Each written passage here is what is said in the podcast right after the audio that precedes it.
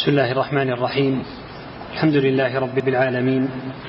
صلى الله وسلم على نبينا محمد وعلى آله وصحبه أجمعين أما بعد. فقال المصنف رحمه الله تعالى في باب قول الله تعالى إنما ذلكم الشيطان يخوف أولياءه فلا تخافوهم وخافون. قال فيه مسائل. نعم. الأولى تفسير يعني آية يعني آل عمران. يعني في هذا الباب وما جاء فيه من الآيات والأحاديث مسائل استنبطها من هذه النصوص. نعم. الأولى تفسير آية آل عمران. تفسير آية آل عمران. إنما ذلكم الشيطان يخوف أولياءه. فقد جاء في تفسيرها أنه لما حصل على المسلمين في وقعة أحد ما حصل من المصيبة نتيجة لمخالفتهم لأمر رسول الله صلى الله عليه وسلم في تنظيمه للرماة الذين على الجبل. أنهم لا يتركون الجبل أبدا مهما كان لأن العدو ينقض على المسلمين من هذا الجبل إذا رآه خاليا. فلما حصلت دارة الهزيمة حصل على المشركين هزيمة في أول المعركة. ولقد صدقكم الله وعده تحسونهم يعني تقتلونهم تحسونهم بإذنه. هذا في أول المعركة. الله نصر المسلمين في أولها لما كانوا يمشون على خطة الرسول صلى الله عليه وسلم. فلما رأى الذين على الجبل أن المسلمين انتصروا في أول المعركة وجاء أخذوا يجمعون الغنائم. ظنوا أن المهمة انتهت من بقائهم على الجبل. فنزلوا. قالوا نعين إخواننا على جمع الغنائم. وخالفوا أمر الرسول صلى الله عليه وسلم في قوله لا تتركوا الجبل. سواء انتصرنا أو هزمنا. فلما رأى خالد بن الوليد رضي الله عنه وكان حين ذاك على الشرك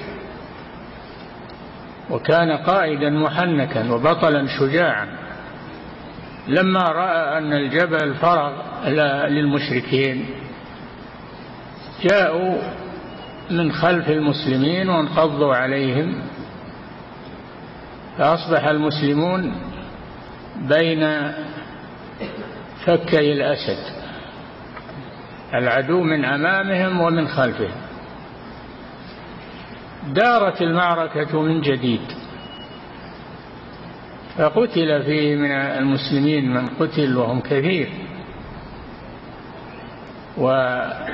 وأولهم حمزة بن عبد المطلب رضي الله عنه.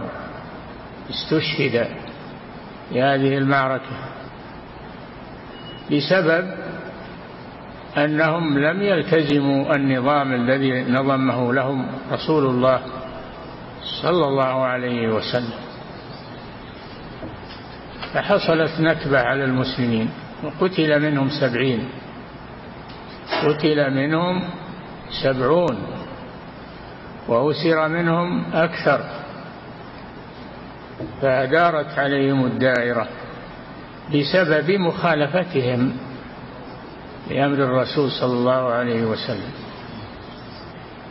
فهذه شؤم المعصية وحصل حتى أن المصيبة عمت الرسول صلى الله عليه وسلم فكسرت رباعيته وهشم المغفر على رأسه حتى غاصت منه حلقتان.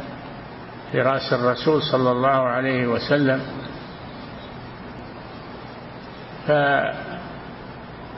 هذا ما حصل في وقعة أحد. بسبب هذه المخالفة التي حصلت منهم عن اجتهاد. وأيضا ما ما ما هي منهم كلهم بل من بعضهم. ولكن المصيبة إذا نزلت تعم. المصيبة والعقوبة إذا نزلت تعم. الصالح والطالح حصل على المسلمين ما حصل في وقعة أحد. هذا حاصل ما حصل في وقعة أحد على المسلمين. نعم. الثانية تفسير آية براءة. وقول الله تعالى الثانية. تفسير آية براءة. إنما يعمر مساجد الله. فقوله تعالى إنما ذلكم الشيطان يخوف أولياءه. وذلك أن المسلمين لما رجعوا إلى المدينة فيهم الجرحى وقد دفنوا شهداءهم في أحد وعادوا إلى المدينة ومعهم الجرحى وقد نكبوا. تلاوم المشركون في طريقهم إلى مكة وقالوا لو رجعنا عليهم لو رجعنا على المسلمين واستأصلنا بقيتهم. فأرسلوا إلى المسلمين رسولا إنا قادمون عليكم لنستأصل بقيتكم. هذا من الابتلاء والامتحان. فأمر النبي صلى الله عليه وسلم من كان حضر المعركة أن يخرج للقاء المشركين مرة ثانية. فخرجوا وفيهم الجرحى وقد أصابتهم النكبة والهزيمة بسبب مخالفتهم لأمر الرسول صلى الله عليه وسلم. خرجوا ونزلوا في مكان يسمى حمراء الأسد ينتظرون قدوم المشركين عليهم ورجوع المشركين عليهم. فلما علم المشركون بخروج المسلمين قالوا ما خرجوا إلا وفيهم قوة. فألقى الله الرعب في قلوب المشركين فاستمروا راجعين إلى مكة. وكفى الله المسلمين القتال. رجعوا استمروا راجعين إلى مكة. كفى الله المسلمين القتال. لكن لما صمد المسلمون ولم ينهزموا ولم يتروعوا من تهديد الكفار حصل لهم النصر وألقى الله الرعب في قلوب أعدائهم. سلموا والحمد لله. قال الله جل وعلا إنما ذلكم الشيطان يخوف أولياءه. أي يخوفكم بأوليائه. لما قالوا أنا راجعون عليكم وأنا مستأصلون بقيتكم قال الله جل وعلا إنما ذلكم أي هذا الوعيد والتهديد إنما هو من الشيطان. إنما ذلكم الشيطان يخوف أولياءه فلا تخافوهم. وخافوني إن كنتم مؤمنين. فالمسلمون تشجعوا وخرجوا وفيهم الجرحى وفيهم المصابون ونزلوا في الطريق ينتظرون الكفار أن يرجعوا إليهم.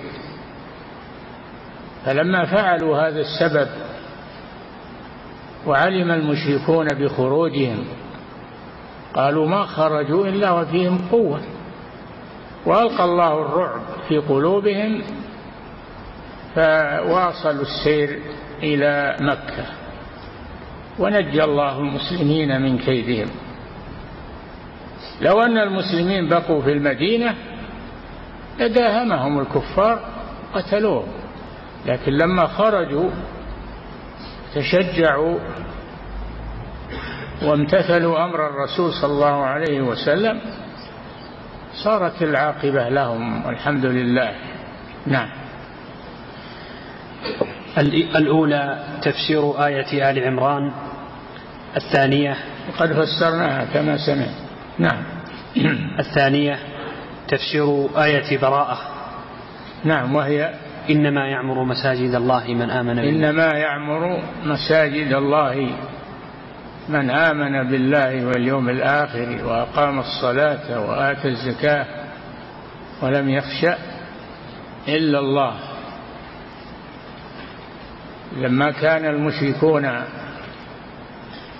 في قبضتهم المسجد الحرام ويسيطرون على القادمين للحج والعمرة متسلطون على المسلمين. فالله جل وعلا قال لا تتركوهم يسيطرون على المسجد الحرام. لا تتركوهم. إنما يعمر مساجد الله من آمن بالله واليوم الآخر وأقام الصلاة وآتى الزكاة ولم يخش إلا الله فعسى أولئك أن يكونوا من المهتدين. فالمسلمون أيضا تشجعوا وحصل لهم النصر ومكنهم الله من المسؤولية على المسجد الحرام وطرد المشركين من من المسجد الحرام لأن المشركين لا يعمرون مساجد الله إنما يعمر مساجد الله من آمن بالله واليوم الآخر. فهذا تشجيع للمسلمين على أن ينزعوا السلطة على مكة والمسجد الحرام من يد المشركين. وقد نزعوها والحمد لله. وغزا رسول الله صلى الله عليه وسلم مكة عام الفتح نصره الله على المشركين. وصار الإشراف على المسجد الحرام وتولي الحجاج والمعتمرين بيد المسلمين. نعم. الثالثة تفسير آية العنكبوت. وهي ومن الناس من يقول آمنا بالله. ومن الناس من يقول آمنا آه، ومن الناس من يقول آمنا بالله. نعم. من الناس من يقول آمنا فإذا أوذي في الله. آمنا بالله. من الناس من يقول آمنا بالله. الله لا يترك هذا يعني يستمر بل يختبره. هل هو صحيح؟ أنه مؤمن بالله حقا أو أنه منافق؟ الله جل وعلا يبتلي ويختبر عباده. المؤمنين. حسب الناس أن يتركوا أن يقولوا آمنا وهم لا يفتنون. ولقد فتنا الذين من قبلهم. فليعلمن الله الذين صدقوا. ولم ولا فليعلمن الله الذين صدقوا وليعلمن الكاذبين. الله يبتلي عباده. المؤمنين والكفار يبتليهم. لكن البلوى على المؤمنين تمحيص تخليص. وأما البلوى على الكفار فهي محق وإهلاك. نعم. وليمحص الله الذين آمنوا ويمحق الكافرين. نعم. الرابعة أن اليقين يضعف ويقوى. أن اليقين في القلب يضعف ويقوى. وهذا ما حصل في هذه الواقعة. لما كان يقين المسلمين في قلوبهم قويا نصرهم الله وصارت العاقبة لهم. حسب الناس أن يتركوا أن يقولوا آمنا وهم لا يفتنون. ولقد فتنا الذين من قبلهم. فلا يعلمن الله الذين صدقوا في قولهم آمنا. ولا يعلمن الكاذبين. الابتلاء والامتحان. نعم. الخامسة علامة ضعفه. ومن ذلك هذه الثلاث. علامة ضعف ضعف الإيمان. علامة ضعف الإيمان. وهي هذه الثلاثة الأمور. بينها إن من ضعف اليقين أن ترضي الناس بسخط إن من الله. ضعف اليقين يعني في القلب أن ترضي الناس بسخط الله. وأن تحمدهم على وأن تذمهم على ما لم يؤتك الله. وأن تحمدهم على ما آتاك الله. الواجب أن, أن, تحمد الله.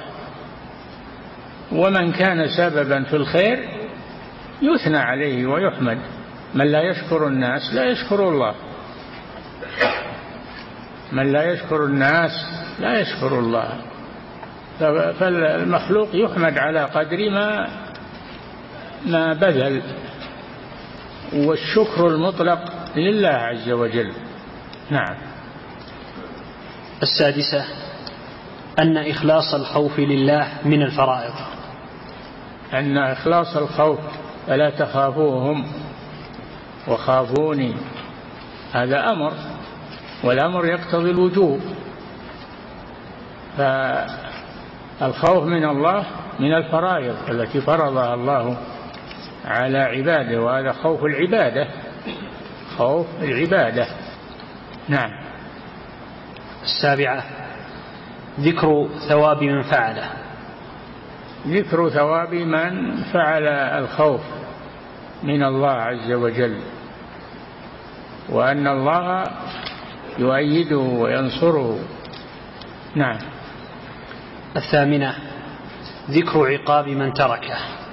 ذكر عقاب من ترك الخوف من الله وخاف الناس أن الله يسلطهم عليه. ولا يمده بالنصر بل يتركه مع عدوه. نعم. قال المصنف رحمه الله تعالى باب قول الله تعالى وعلى الله فتوكلوا إن كنتم مؤمنين. من أنواع العبادة التوكل على الله سبحانه تفويض الأمور إليه عز وجل. فهو من أعظم أنواع العبادة. ومن يتوكل على الله فهو حسبه يعني كافيه. توكل على الله عز وجل. والله سبحانه وتعالى ذكر التوكل في كثير من من الآيات وأمر بإخلاص التوكل على الله جل وعلا. ومن يتوكل على الله فهو حسبه يعني كافيه.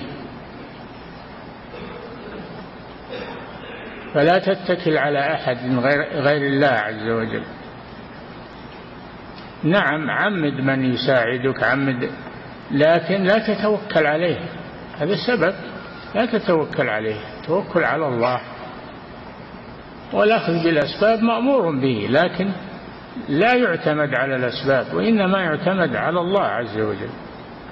ولا ما يجوز ترك الأسباب لازم من الجمع بين فعل الأسباب مع التوكل على الله. فلا يكفي فعل الأسباب دون توكل على الله ولا يكفي التوكل على الله دون فعل للأسباب. لا بد من الجمع بينهما. هذه طريقة المؤمنين. التي أمر الله جل وعلا بها. نعم. قال أبو السعادات رحمه الله. قال أبو السعادات أبو السعادات هو ابن الأثير صاحب غريب الحديث يشرح غريب الحديث. يعني الألفاظ التي تمر في الحديث يفسرها ويبينها. وهذا ما يسمى بغريب الحديث. نعم. قال أبو السعادات رحمه الله يقال توكل بالأمر إذا ضمن القيام به. ووكلت توكل بالأمر توكل فلان بالأمر يعني أنه تكفل به ووعد بالقيام به. نعم. يقال توكل بالأمر إذا ضمن القيام به ووكلت أمري إلى فلان إذا اعتمدت عليه. وكلت هو توكلت نعم. ووكلت أمري وكلت إلى فلان. وكلت ووكلت أمري إلى فلان إذا اعتمدت عليه. أي نعم لا مانع أنك تتخذ الأسباب وتستعين بالمخلوقين فيما يقدرون عليه لا مانع من هذا. لكن مع الاعتماد على الله. هذه أسباب. لا يكتفي لا يجوز الاقتصار على فعل الأسباب بل لا بد مع فعل الأسباب من التوكل على الله. ولا يكتفى بالتوكل على الله وترك الأسباب. لازم من الجمع بينهما. تأخذ الأسباب النافعة وتتوكل على الله ولا تعتمد الأسباب. هذا هو طريق المؤمنين وهذا ما أمر الله به ورسوله الجمع بين التوكل على الله وفعل الأسباب النافعة. نعم. ووكلت أمري إلى فلان إذا اعتمدت عليه ووكل فلان فلانا إذا استكفاه أمره ثقة بكفايته أو عجزا عن القيام بأمر نفسه. وكل غير توكل. وكل الوكالة هي تعميد الإنسان بعمل شيء. تعميده أن يستلم لك مبلغا من فلان. هذه وكالة تسمى وكالة ما هي بتوكل. هذه وكالة. النبي صلى الله عليه وسلم وكل. وكل من ينوب عنه في جباية الزكاة وكل من ينوب عنه في أخذ الخراج. التوكيل جائز وإنما الممنوع التوكل هذا لا يكون إلا على الله سبحانه وتعالى. فافهموا الفرق بين التوكل والتوكيل. نعم. ووكل فلان فلانا إذا استكفاه أمره ثقة بكفايته. أو عجزا عن القيام بأمر نفسه. انتهى. نعم للإنسان أن يوكل والرسول وكل عليه الصلاة والسلام بعض أصحابه. وكل من ينوب عنه في ذلك. لا مانع لا مانع من الوكالة. أما التوكل فلا يجوز إلا على الله سبحانه وتعالى. فأنت توكل ولكن لا تعتمد على الوكيل وإنما تعتمد على الله. تتوكل على الله. نعم. وأراد المصنف بهذه الترجمة بالآية بيان أن التوكل أن التوكل فريضة يجب إخلاصه لله تعالى. وعلى الله فتوكلوا إن كنتم مؤمنين. قدم الجار والمجرور وهو المعمول على العامل. على الله فتوكلوا هذا يقتضي الحصر. أي لا تتوكلوا على غيره. التوكل لا يكون إلا على الله لأنه من نوع من أنواع العبادة. أما التوكيل فلا بأس. توكل من ينوب عنك. وليس هذا من العبادة إنما هذا من المصالح التي يحتاجها الناس. نعم. فإن تقديم المعمول يفيد الحصر. تقديم المعمول وهو قوله على الله يفيد الحصر الأصل الأصل توكل على الله هذا الأصل. الجار والمجرور يتأخر وهو المعمول لكن هنا قدم الجار والمجرور على التوكل. وعلى الله فتوكلوا يفيد الحصر. إذا قدم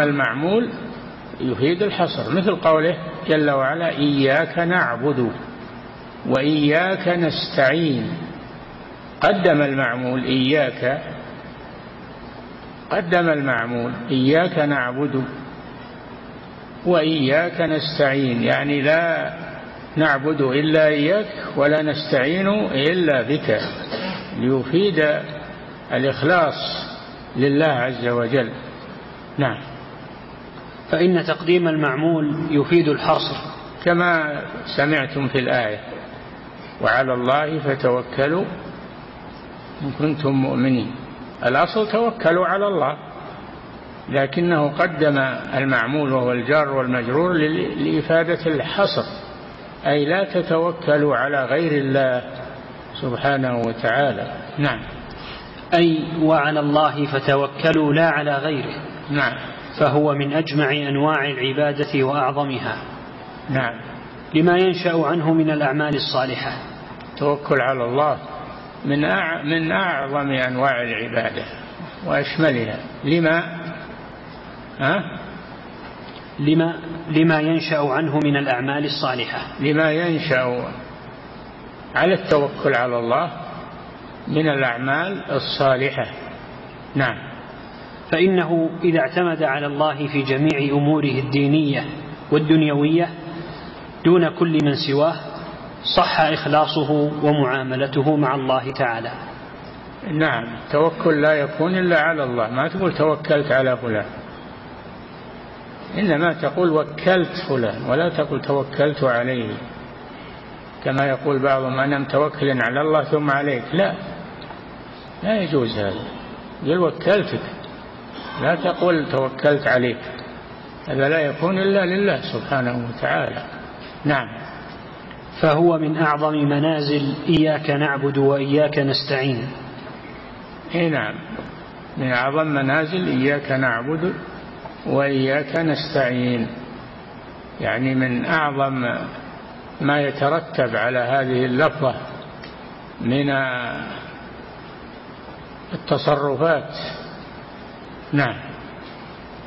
فلا يحصل كمال التوحيد بأنواعه الثلاثة إلا بكمال التوكل على الله كما في هذه الآية.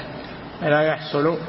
فلا يحصل كمال التوحيد بأنواعه الثلاثة. بأنواع التوحيد الثلاثة التي تعرفونها توحيد الربوبية توحيد الألوهية توحيد الأسماء والصفات. ثلاثة أنواع. نعم فلا. فلا يحصل كمال التوحيد بأنواعه الثلاثة إلا بكمال التوكل على الله. نعم. ما يكمل التوحيد بأنواعه الثلاثة إلا بالتوكل على الله عز وجل. نعم. كما في هذه الآية وكما قال تعالى إن كنتم آمنتم بالله فعليه توكلوا إن كنتم مسلمين. إن كنتم آمنتم بالله فعليه توكلوا إن كنتم مسلمين.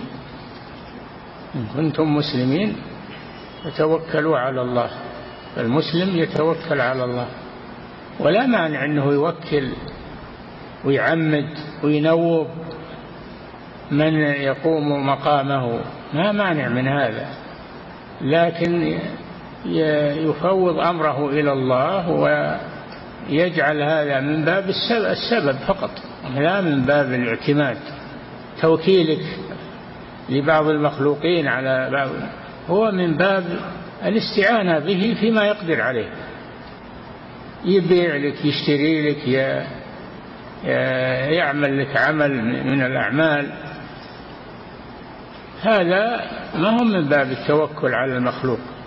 هذا من باب الإنابة. تنيب من ينوب عنك في قضاء أمر من الأمور. شيء ما تقدر عليه توكل من يقوم به. شيء ما هو عندك بعيد عنك توكل من ينوب عنك فيه. مثل ما كان النبي صلى الله عليه وسلم يوكل عماله في خيبر وفي غيرها. نعم. وكما قال تعالى إن كنتم آمنتم بالله فعليه توكلوا إن كنتم مسلمين. وقوله نعم. كنتم آمنتم بالله فعليه توكلوا. عليه توكلوا لا على غيره. شوف قدم عليه على توكلوا تقديم المعمول على العامل لإفادة الحصر أي لا تتوكلوا على غير الله. نعم. وقوله رب المشرق والمغرب لا إله إلا هو فاتخذه وكيلا. رب المشرق والمغرب. المشرق هو ما مطلع الكواكب كالشمس والقمر والنجوم تطلع من المشرق من الشرق. والمغرب مكان غروبها تغرب في في الجهة المقابلة للمشرق. والدنيا كلها مشرق ومغرب كل الدنيا كذا مشرق ومغرب. الشمال والجنوب داخلة في المشرق والمغرب. ولذلك لم يرد ذكر الشمال والجنوب ورد المشرق والمغرب. لأن هذا يشمل الكون كله يشمل الأرض كلها مشرق ومغرب. نعم. والآيات في الأمر به كثيرة جدا. الآيات في الأمر به إيه بأي شيء؟ توكل توكل. توكل. والآيات والآيات في الأمر به كثيرة جدا. مثل هذه الآية وعلى الله فتوكلوا إن كنتم مؤمنين. ومن يتوكل على الله فهو حسبه. إن الله بالغ أمره. نعم. قال الإمام أحمد رحمه الله التوكل عمل القلب. التوكل عمل القلب. العمل يكون بالقلب ويكون بالجوارح. ظاهرا وباطنا. اللي في القلب هذا باطن.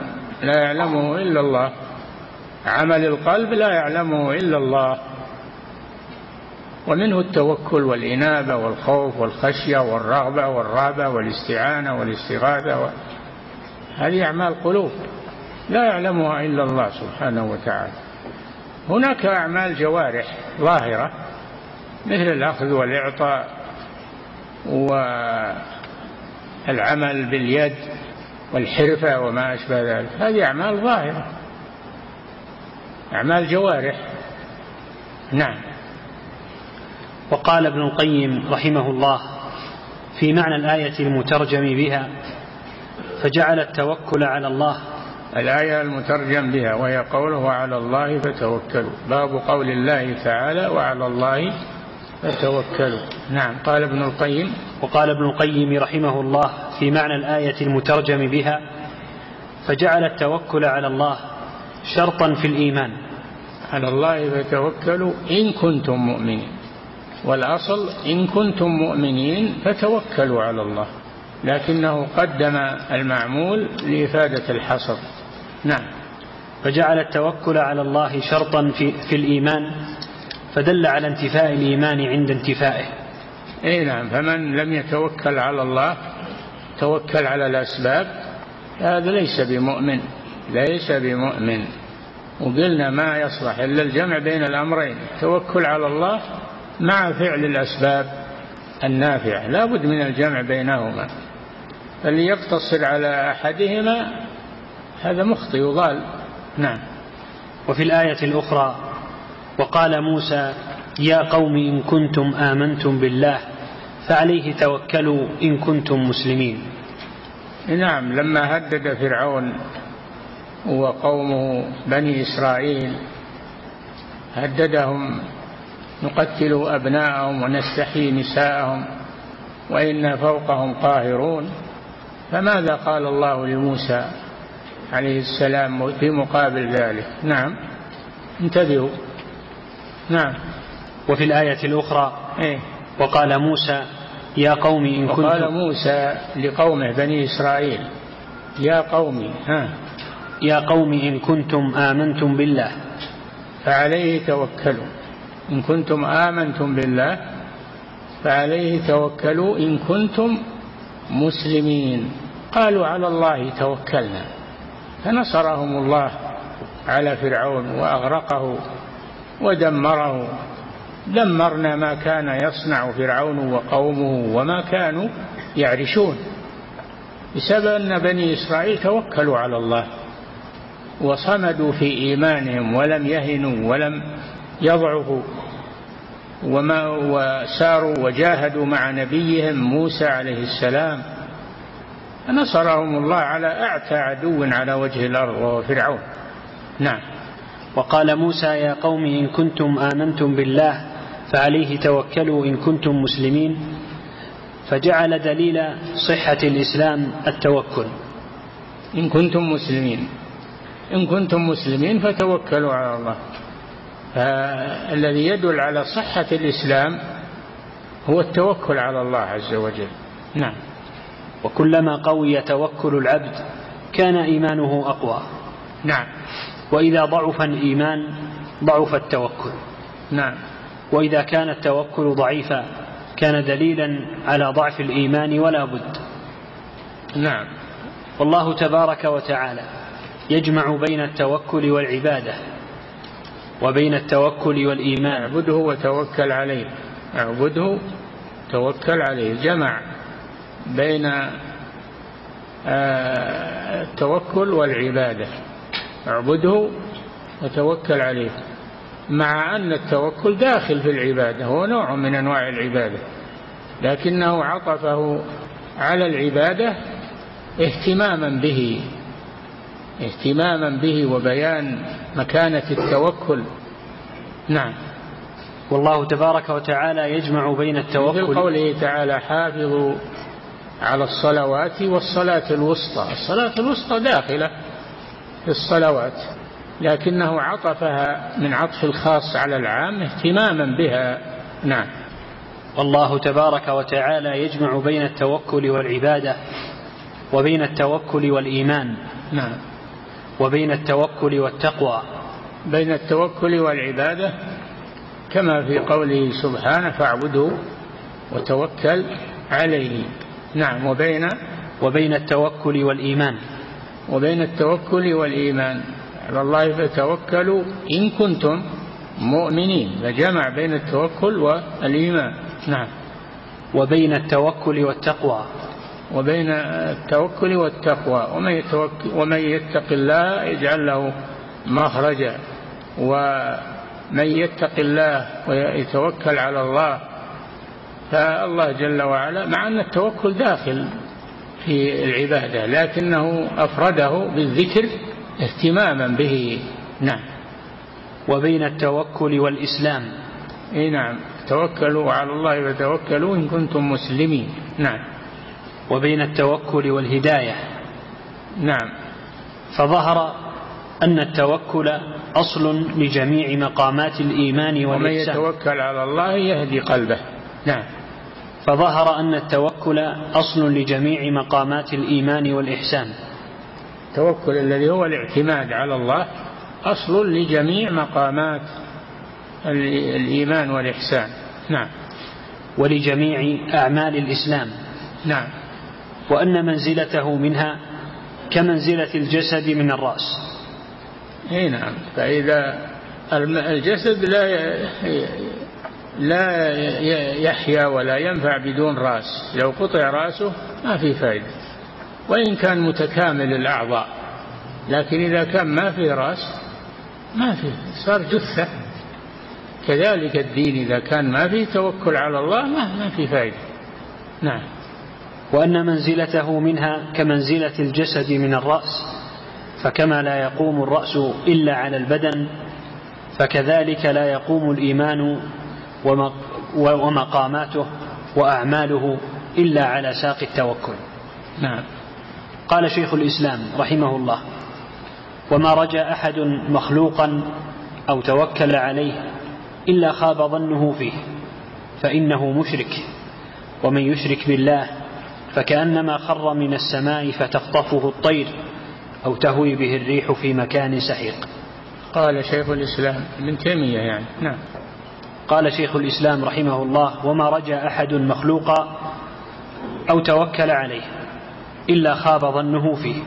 نعم إذا اعتمد على المخلوق خاب ظنه في هذا المخلوق لكن يكون ظنه بالله عز وجل ولا بأس أن يستعين بالمخلوق فيما يقدر عليه.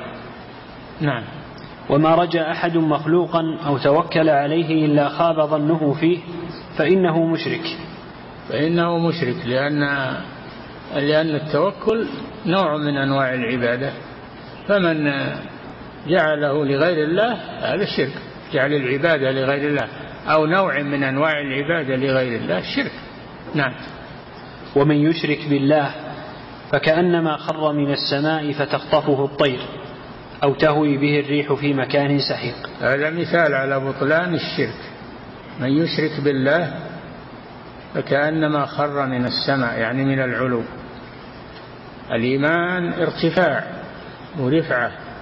فإذا أشرك بالله فإنه يسقط من هذا العلو.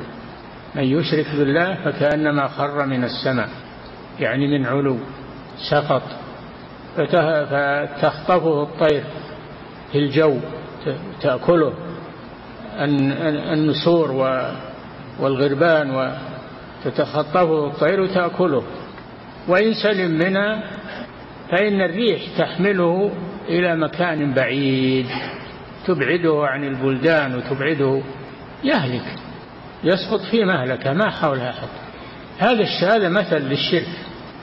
هذا مثل للشرك. ومآله وعاقبته الوخيمة. نعم. قال الشارح رحمه الله قلت لكن التوكل على غير الله قسمان. أحدهما قال الشارح.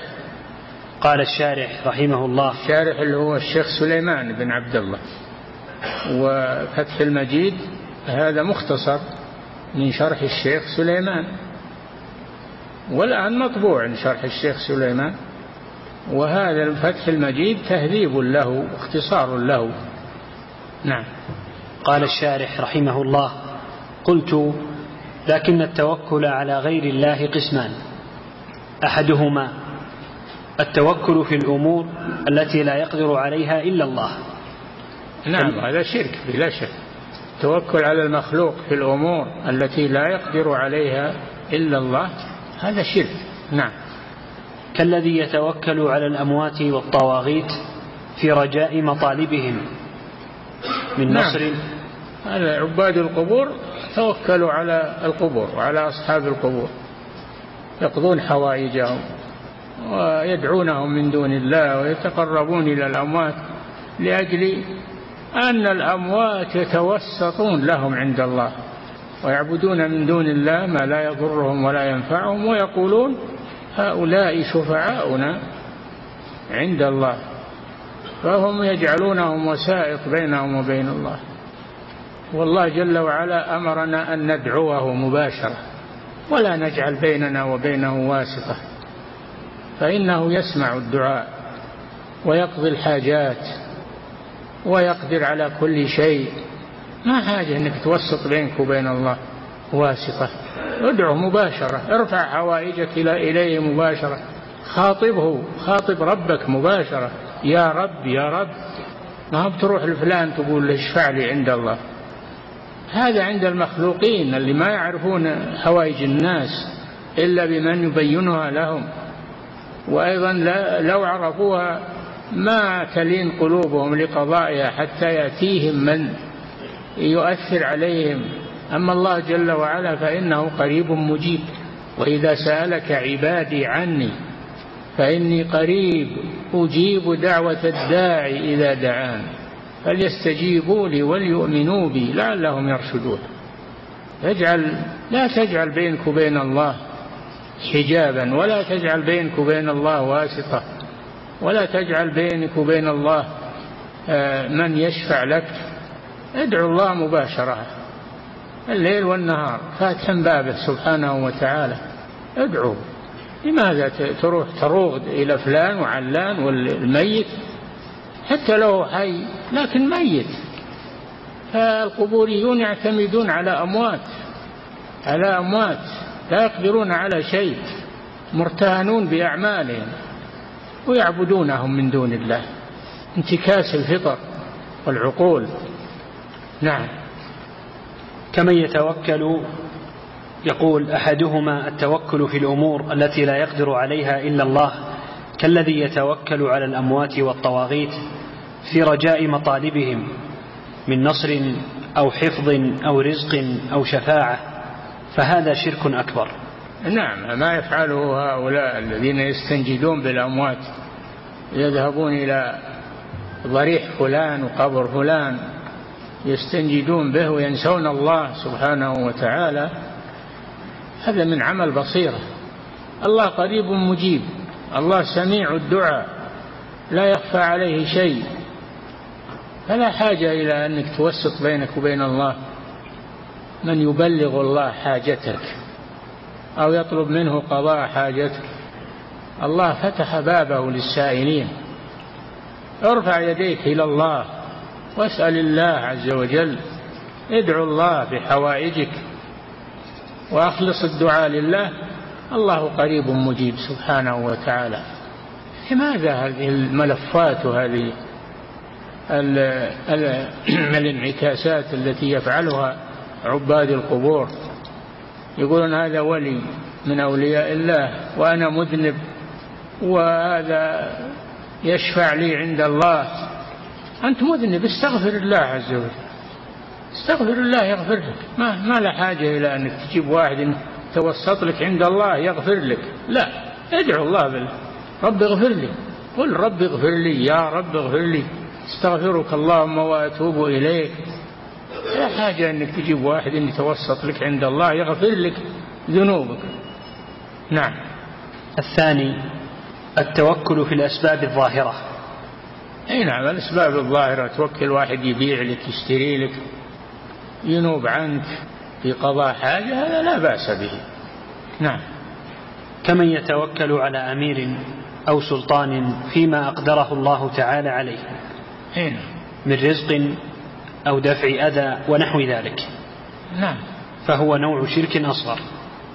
إذا لا بأس إنه يطلب حوائج من السلطان أو من الغني أو من لكن لا يظن إن هذا المخلوق يتصرف من دون الله عز وجل. ما يتصرف إذا أراد الله عز وجل. فأنت تدعو الله. مرد الأمور كلها إليه. يرجع وإليه يرجع الأمر كله. فاعبده وتوكل عليه. نعم. والوكالة الجائزة هو الوكالة في البيع والشراء والتصرفات هذه جائزة والنبي صلى الله عليه وسلم وكل في بعض الأمور. له نواب وله أمراء وله يعني من يقومون بالأعمال التي يكلها إليهم الرسول صلى الله عليه وسلم. هذا لا بأس به التوكيل ما في بأس. إنما الممنوع التوكل. لا تتوكل على أحد غير الله سبحانه وتعالى. نعم. والوكالة الجائزة هي توكيل الإنسان في فعل ما يقدر عليه نيابة عنه. نعم. لكن ليس له أن يعتمد عليه في حصول ما وكله عليه. الحصول هذا ما يقدر عليه إلا الله. لكن التوكيل هذا سبب. والسبب لا بد أن الله جل وعلا يجعله نافعا. نعم. لكن ليس له أن يعتمد عليه في حصول ما وكله عليه بل يتوكل على الله في تيسير أمره الذي يطلبه بنفسه أو نائبه. مع توكيلك الإنسان مع توكيلك الإنسان فيما يقدر عليه الإنسان اعتمد على الله عز وجل. لأن الله لو أراد ما نفعك هذا الإنسان. أنت وكل لكن اعتمد على الله في حصول المطلوب. نعم. بل يتوكل على الله في تيسير أمره الذي يطلبه بنفسه أو نائبه. نعم. وذلك من جملة الأسباب التي يجوز فعلها. إي نعم. التوكيل في الأمور التي يقدر عليها المخلوق هذا من فعل الأسباب الجائزة لكن لا تعتمد عليه. إنما تعتمد على الله. نعم. ولا يعتمد عليها بل يعتمد على المسبب الذي أوجد السبب والمسبب. نعم مسبب الأسباب هو الله سبحانه وتعالى. نعم. قال المصنف رحمه الله تعالى وقوله إنما المؤمنون الذين إذا ذكر الله وجلت قلوبهم وإذا تليت عليهم آياته زادتهم إيمانا. وعلى ربهم يتوكلون. الذين يقيمون الصلاة ومما رزقناهم ينفقون أولئك هم المؤمنون حقا. ونقف على هذه الآية. نعم. أحسن الله إليكم. هذا سائل يقول هل التوكل على الله يزيد وينقص بحسب إيمان العبد؟ نعم بلا شك. التوكل على الله يزيد وينقص. هو نوع من أنواع العبادة.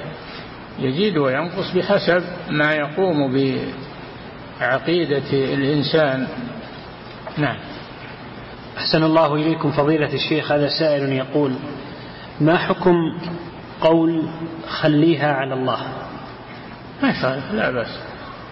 يعني خل هذا الأمر إلى الله هو الذي يدبره وهو الذي ييسره. إي نعم. أحسن الله إليكم فضيلة الشيخ هذا سائل يقول ما حكم عمل الأسباب في التوكل؟ إيه؟ يقول ما حكم عمل الأسباب في التوكل؟ ما أدري إيش معنى السؤال هذا. نعم. أحسن الله إليكم فضيلة الشيخ هذا سائل يقول كيف يكون التوكل على الله؟ هل يكون بالاعتقاد أن الله هو الوحيد الذي ينفع وهو الوحيد الذي يضر. نعم الذي يحصل لك الأمور وييسرها لك هو الله. وإنما الوكيل هذا سبب. أنت وكلت فلان هذا سبب. لكن اللي ييسر لك الأمر الذي وكلته فيه هو الله سبحانه وتعالى. نعم. أحسن الله إليكم فضيلة الشيخ. هذا سائل يقول ما حكم قول اعتمدت على الله ثم عليك. لا بأس بذلك. لكن ما تقول توكلت على الله ثم عليك. التوكل لا يكون إلا على الله. أما الاعتماد يجوز. نعم. وما حكم قول وكلت الله ثم وكلتك؟ لا ما يجوز توكل الله. لا تقول وكلت الله. قل وكلت توكلت على الله. قل توكلت على الله. لا تقول وكلت الله قل توكلت على الله. نعم. أحسن الله إليكم فضيلة الشيخ هذا سائل يقول ذكرتم أنه لا يجوز قول توكلت على الله ثم على فلان. نعم. فما هي العبادات التي يجوز فيها أن يقال ثم على فلان؟ العبادات ما فيها ثم على فلان كل العبادات. ما فيها شيء تقول ثم على فلان كلها خالصة لوجه الله. نعم. أحسن الله إليكم فضيلة الشيخ هذا سائل يقول علمت أن العطف يقتضي المغايرة وفي الآية فاعبده وتوكل عليه فلا مغايرة بين التوكل والعبادة. أرجو الإفادة في ذلك. هذا ذكرنا وقلنا إن إفراد العبادة آه، بعد الاعتماد على الله عز وجل إنما هو من باب الاهتمام بها. حافظوا على الصلوات الصلاة الوسطى صلاة العصر أو هي صلاة الظهر على قول. داخلة في الصلوات لكن أفردها بالذكر لأهميتها من عطف الخاص على العام اهتماما به. نعم. أحسن الله إليكم فضيلة الشيخ هذا سائل يقول شخص يخاف من مخالطة الناس. وفي بعض الأحيان يتجنب مخالطتهم وذلك خوفا من العين والحسد. فهل يعتبر هذا نقصا في التوكل ونقصا في الإيمان؟ هذا وسواس هذا وسواس من الشيطان. عليه أن يرفضه ويتركه ويعتمد على الله ويخالط الناس اللي فيهم مصلحة فيهم فائدة يخالطهم. نعم. أحسن الله إليكم فضيلة الشيخ هذا سائل يقول في قوله تعالى إن كنتم آمنتم بالله فعليه توكلوا إن كنتم مسلمين فهل هذا يدل على أن الذي لا يتوكل على الله أو من كان ناقص التوكل يخرج من الإسلام؟ الذي لا يتوكل على الله وإنما يتوكل على غيره هذا يخرج من الإسلام لأنه صرف نوعا. من أنواع العبادة لغير الله عز وجل. نعم. أحسن الله إليكم فضيلة الشيخ هذا سائل يقول قال الإمام أحمد رحمه الله التوكل عمل القلب وفي تعريف الإيمان هو اعتقاد بالقلب وقول باللسان وعمل بالجوارح. فكيف نربط كلام الإمام أحمد رحمه الله بالآية؟ وقال موسى يا قوم إن كنتم آمنتم بالله. لا تنافي بين الآية وبين ما ذكرته. فقوله يا قوم إن كنتم آمنتم بالله فعليه توكلوا. إن كنتم مسلمين. قالوا على الله توكلنا. فنصرهم الله على فرعون وأغرق فرعون وقومه لأنهم توكلوا على الله وفوضوا أمورهم إليه واعتمدوا عليه سبحانه فكفاهم الله شر عدوهم. نعم.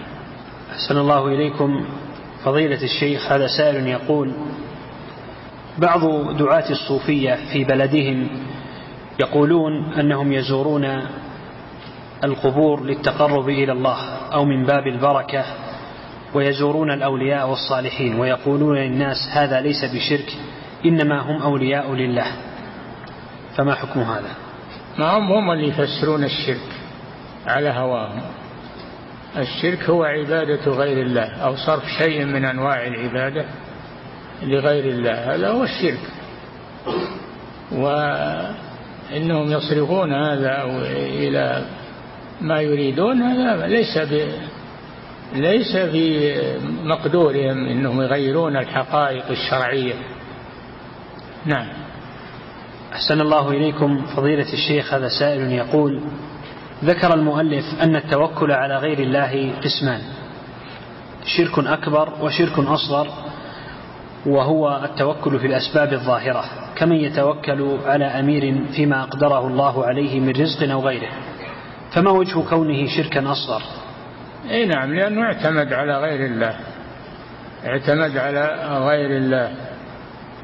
وظن أن الأمير أنه يبي يقضي حوائجه بدون أن الله يقدر هذا أو اعتمد على غير الله. نعم. أحسن الله إليكم فضيلة الشيخ. هذا سائل يقول ما حكم قول أنا عند الله ثم عندك؟ اي نعم هذا من باب من باب الحث على قضاء حاجة هذا القائل أو أنه يخاف من عدو له ولجأ إلى هذا الشخص الذي يقدر على منعه وعلى حمايته. هذا من اتخاذ الأسباب النافعة ما في بس. نعم. أحسن الله إليكم. فضيلة الشيخ هذا سائل يقول في قوله صلى الله عليه وسلم لو أنكم توكلون على الله حق توكله يقول هل هناك فرق بين التوكل وبين حق التوكل؟ لو أنكم توكلون على الله حق توكله لرزقكم كما يرزق الطير. تغدو خماصا يعني جائعة وتروح بطانا يعني شبعانة. الطير ما عنده شيء في في المكان الذي يأوي إليه. هو عنده شيء؟ ما عنده شيء. إلا أنه أصبح طار ويسر الله له. لأنه متوكل على الله. طير ما عنده شيء يدخره. لا في بيته ولا في مخزن ولا في شيء. وكم الطيور يا أخوان اللي تعيش في, في الجو وفي الكون؟ كله رزقه على الله سبحانه وتعالى. ما ما في ميت طائر مات جوعا ابدا. نعم يموت بمرض يموت بإصابة أما يموت جوع ما في طائر وطيور تموت جوع إلا إنسان مخزونة ومغلق عليها. أما إذا أطلقت فلا تموت جوع تطلب الرزق. والرزق ميسر لها في كل مكان. نعم. أحسن الله إليكم فضيلة الشيخ. هذا سؤال هذه سائلة من زنجبار تقول زوجي تركني منذ ستة أشهر ولم يتلفظ بالطلاق. وتركني وأولادي ونحن الآن في بيت أبي فماذا أصنع وفقكم الله؟ تقدمي إلى تقدمي إلى القاضي وأقيمي عليه دعوة والقاضي هو الذي يناقشه في هذا ويلزمه ب بالنفقة نفقتك عليه و... نعم. ما طريق عليه إلا من طريق القاضي. إلا إن كان أحد يؤثر عليه من أصدقائه من إخوانه من يأثر عليه ينصحه. فعمدي أحدا يناصحه في ذلك. نعم. أحسن الله إليكم فضيلة الشيخ. هذا سائل يقول هل للمنفرد جمع بين المغرب والعشاء إذا صلى متأخرا في المسجد الذي قد جمع إمامه قد جمع إمامه لأجل المطر؟ هذا ما ذكره الفقهاء يقولون نعم ولو صلى في بيته يجمع. أو أو في مسجد طريقه تحت ساباط يجمع. إذا جمع الناس لأن الرخصة تعم تعم المسلمين الحاضرين. ولكن المسلم يعني يتقي الله عز وجل. إذا كان ما حضر الجمع وهو في مكان حصين ولا يجيه مطر ولا يجيه شيء خلي كل صلاة في وقتها ولا حاجة إلى الجمع. لكن لو جمع ما نقول صلاتك باطلة. نعم. أحسن الله إليكم فضيلة الشيخ. هذا سائل سائل من خارج هذه البلاد يقول لدي فرصة عمل في الحرس الوطني في بلده وهو بلد كافر. يقول ويمكنني تحديد المهام التي أقوم بها. ولا ألزم بغيرها. يقول فهل يجوز الالتحاق بهذه الفئة من الشرطة؟ نعم إذا كنت محتاجا للعمل عندهم ولا يخل هذا في أمر من أمور دينك تستطيع القيام بدينك وصلاتك وأمور دينك فلا بأس بالعمل طلبا للرزق. نعم. أحسن الله إليكم فضيلة الشيخ هذا سائل يقول كيف تصلي المرأة المسلمة في الحجاب؟ هل تؤخر الحجاب إلى منابت الشعر حتى تسجد على الجبهة كلها؟ أو يكون الحجاب في وسط الجبهة؟ إذا كانت بحضرة رجال غير محارم لها تغطي وجهها بالكامل وتسجد من وراء الحجاب. لا لا مانع من ذلك. تسجد من وراء الحجاب. يكون الحجاب بينها وبين الأرض ما في مانع. نعم.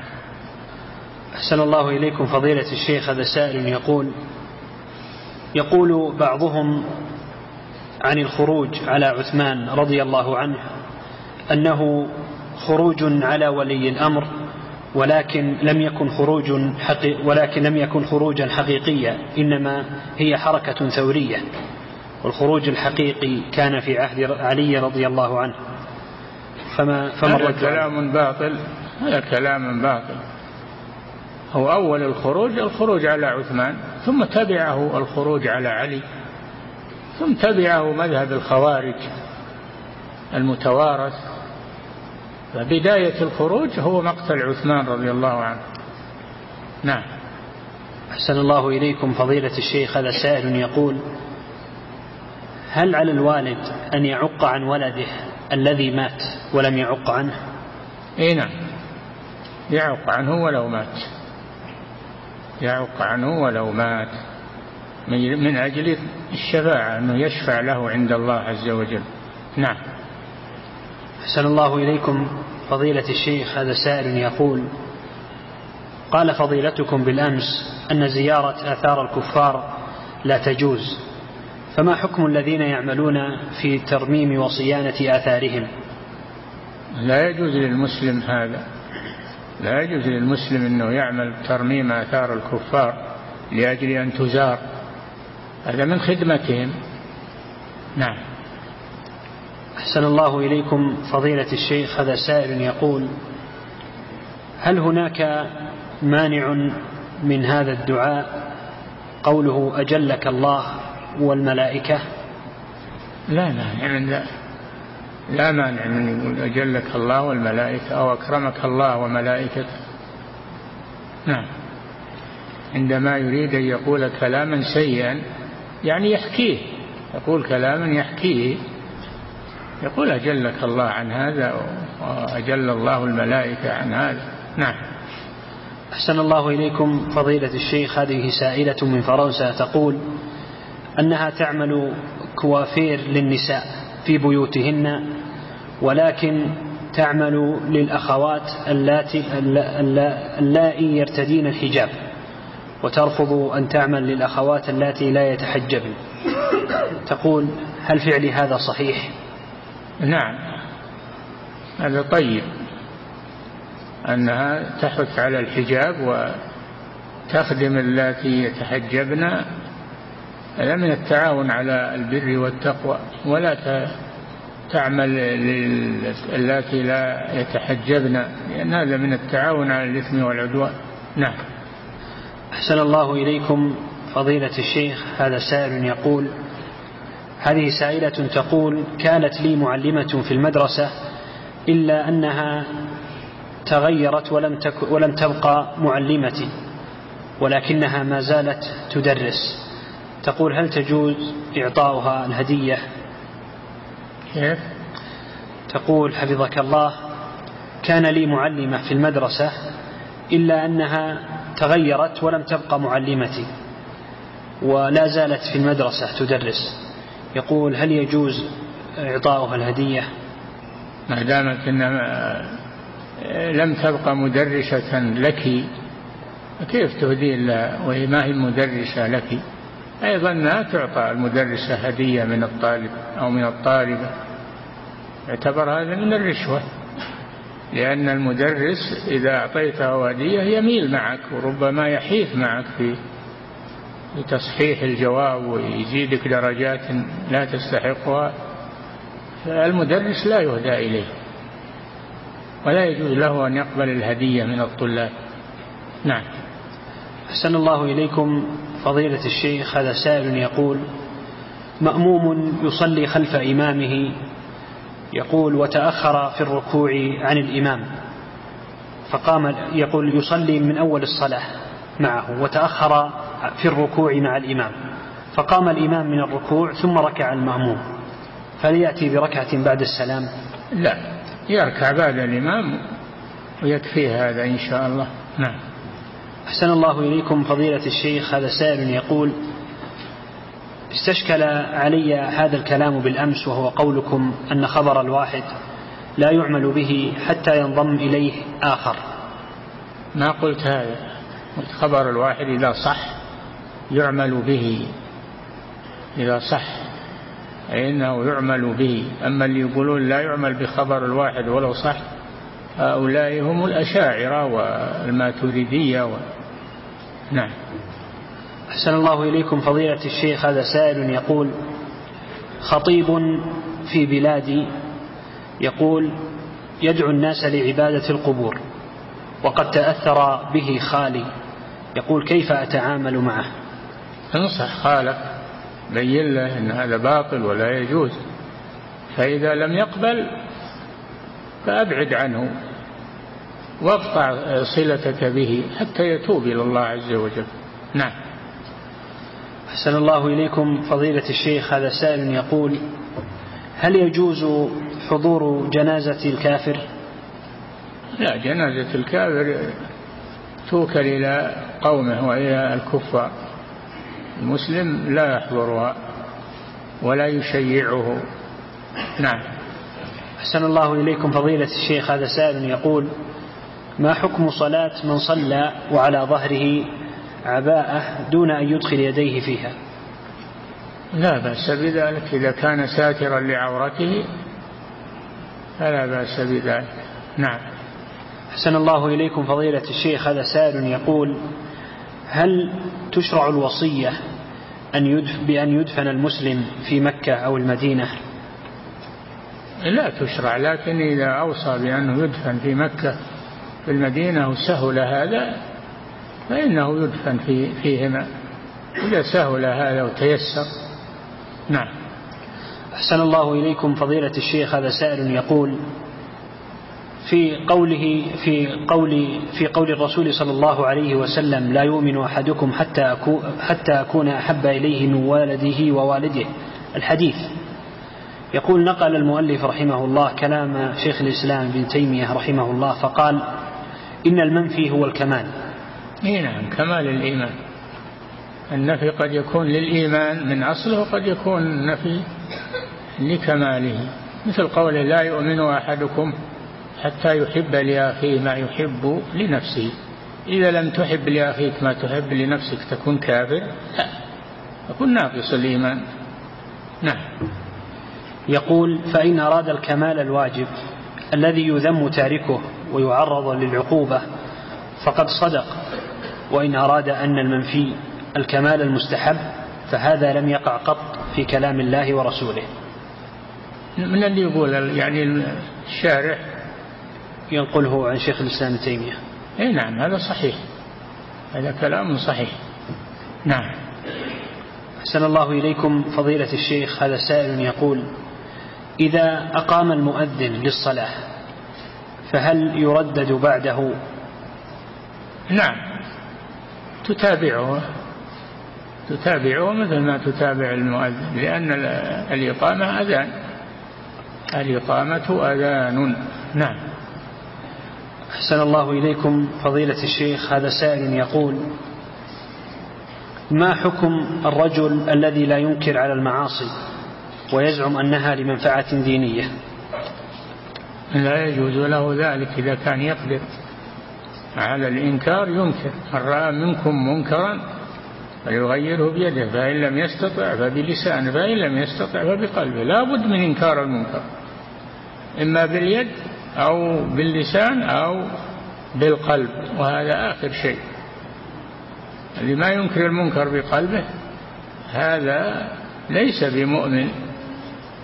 إما ليس بمؤمن أصلا أو ليس بمؤمن الإيمان الكامل. نعم.